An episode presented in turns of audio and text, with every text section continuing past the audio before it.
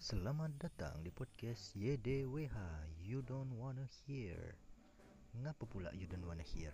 Karena akan ada banyak keramah tamahan yang mungkin kita tak bisa handle seorang.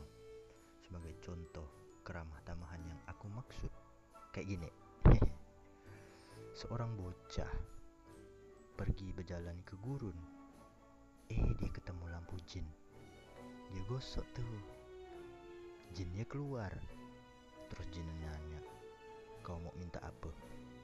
Aku mau jadi Batman kata si bocah. Okey kata si jin. Terus dia balik.